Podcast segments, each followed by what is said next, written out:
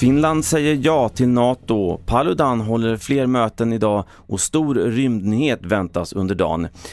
Ja, först i TV4-nyheterna om att Finlands president Sauli Niinistö och statsminister Sanna Marin säger ja till ett finskt medlemskap i NATO.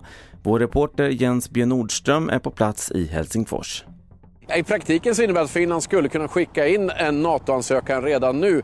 Formellt sett så är det eh, Finlands president som tillsammans med statsministern i samråd som ska sköta utrikespolitiken. Så att det här räcker formellt sett för att skicka in en NATO-ansökan. Och enligt uppgifter till Expressen kommer Sverige att skicka in sin ansökan om ett medlemskap i NATO på måndag. Och många ställer sig nu frågan hur Ryssland kommer att reagera. Så här säger utrikesreporter Stefan Borg från Moskva.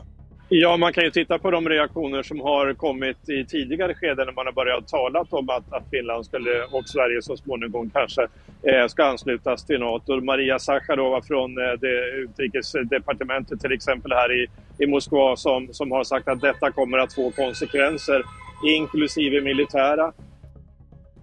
Idag håller den svensk-danske högerextremisten Rasmus Paludan valmöten i tre svenska städer och först ut under förmiddagen var Frölunda torg i Göteborg följt av Västerås och Uppsala.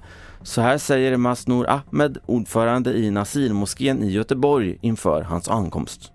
Alltså vårt ansvar är ju att vi till exempel anordnar nu aktiviteter eh, som sådana som att vi åker ut och eh, har den här kampanjen Fråga Muslim där vi besöker olika städer där det har varit upplopp och bemöter människor. Det är väldigt viktigt att vi når ut till våra ungdomar och det har vi gjort de senaste hundra åren så att, eh, och det kommer vi fortsätta att göra.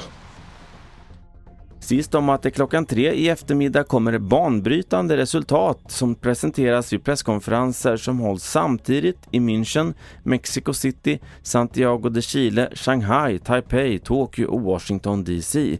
Enligt uppgifter i medier kan det röra sig om en avbildning av det supermassiva svarta hålet Sagittarius A vilket i så fall blir den första bilden som någonsin har tagits av det svarta hålet i mitten av vår galax Vintergatan.